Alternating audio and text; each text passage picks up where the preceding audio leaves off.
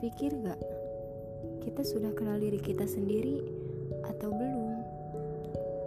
Kalau belum, marilah kita kenalkan diri kita sendiri dengan mengubah diri kita sendiri dengan kebiasaan-kebiasaan yang baik yang biasa kita lakukan dengan sebaik-baiknya.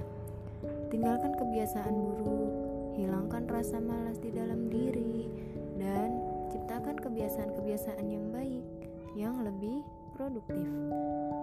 Maka jika kita sudah ter,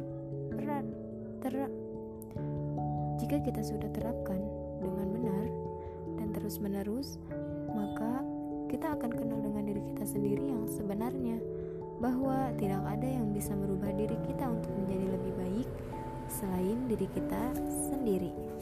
Maka setelah kita kenal diri kita sendiri, kita akan mencintai diri kita sendiri. Mencintai diri sendiri adalah tugas yang paling mudah. Ya, karena mencintai diri sendiri tanpa menyuruh orang lain dan tidak bersusah payah untuk untuk memintanya. Pernah gak sih teman-teman berpikir untuk bisa seperti mereka yang memiliki barang-barang bagus, makan-makan di restoran, kafe-kafe ternama, atau bahkan ingin jalan-jalan ke sana ke sini? Tentunya kita semua kepingin seperti hal tersebut.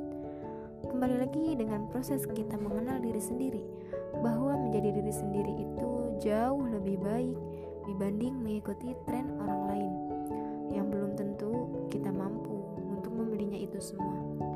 Katakan pada dunia bahwa aku bangga menjadi diri sendiri dengan apa yang kita peroleh sendiri. So, kenali diri sendiri, cintai diri sendiri, dan jadilah diri sendiri. Find yourself and be that. Love yourself first. Be yourself no matter what they say. Thank you.